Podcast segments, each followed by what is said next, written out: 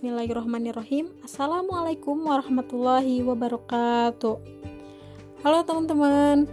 Gimana nih work from home-nya? Pasti pada bosan ya teman-teman.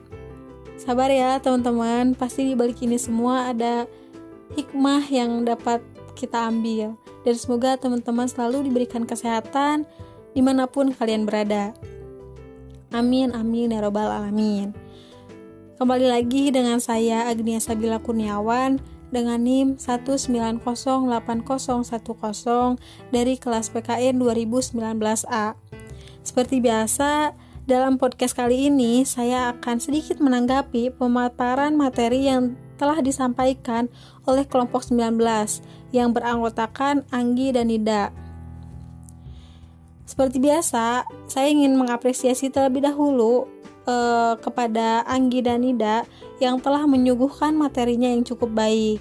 Tetapi tetap tidak ada yang sempurna di dunia ini kecuali Allah. Maka dari itu, ada sedikit kekurangan dari kelompok 19 ini. Semoga semua kekurangannya bisa dijadikan pembelajaran untuk ke depannya. Amin. Baik, izinkan saya untuk menanggapi kepada kedua pemateri tersebut. Nah, langsung saja yang pertama uh, yang dijelaskan oleh Anggi untuk Anggi, pemaparan materinya sudah bagus dan jelas. Intonasi yang digunakan pun sudah cukup bagus. Kemudian, selama menjelaskan, ia terasa interaktif dengan selalu mengajak berpikir audiens atau mencoba bertanya kepada audiens. Selain itu, Pemateri yang satu ini sering kali memberikan contoh-contoh untuk materi yang ia sampaikan, sehingga audiens pun semakin paham dengan apa materi yang disampaikannya.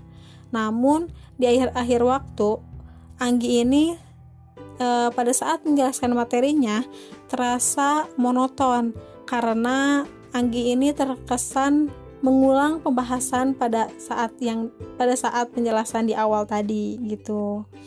Nah, untuk pemateri yang kedua yaitu Nida untuk pemateri yang Nida sampaikan ini dirasa pada saat menyampaikannya eh Nida ini kurang tertuju pada substansi gitu.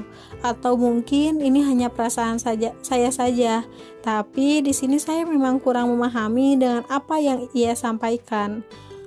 Kemudian Nida pun tidak terasa interaktif dengan audiens sehingga pemberian pemberian materinya sangat bosan gitu.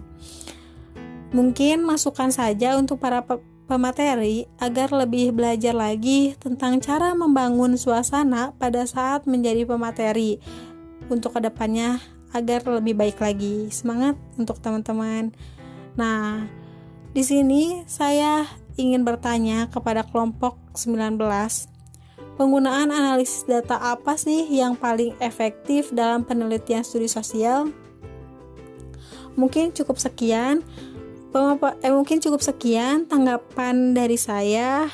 Mohon maaf apabila ada kata-kata yang kurang berkenan.